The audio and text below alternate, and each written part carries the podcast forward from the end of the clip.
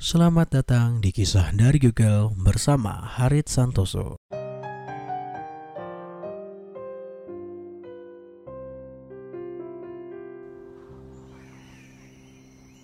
Pada suatu hari, seekor rubah yang licik berencana untuk mempermainkan temannya, seekor burung bangau yang penampilannya selalu membuat sang rubah tertawa.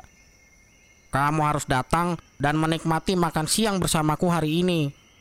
Kata sang rubah kepada sang bangau. Sambil tersenyum-senyum karena memikirkan gurauan yang akan diperbuat olehnya. Sang bangau dengan senang menerima undangan dari sang rubah dan datang pada siang itu. Untuk makan siang, sang rubah menyiapkan sup yang disajikan pada piring yang sangat ceper dan hampir datar. Sehingga sang bangau tidak bisa menikmati sup tersebut, hanya ujung paruh saja yang bisa menyentuh air sup. Dan tak setetes sup yang bisa diminumnya. Sedangkan sang rubah menjilati sup tersebut dengan gampangnya sambil tertawa-tawa. Hingga sang bangau menjadi sangat kecewa karena telah dipermainkan.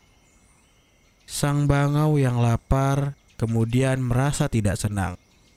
Tetap berusaha untuk tenang, kemudian sang bangau balas mengundang sang rubah untuk makan siang keesokan hari di rumahnya. Sang bangau balas mempermainkan sang rubah dengan menyiapkan ikan pada guci yang tinggi.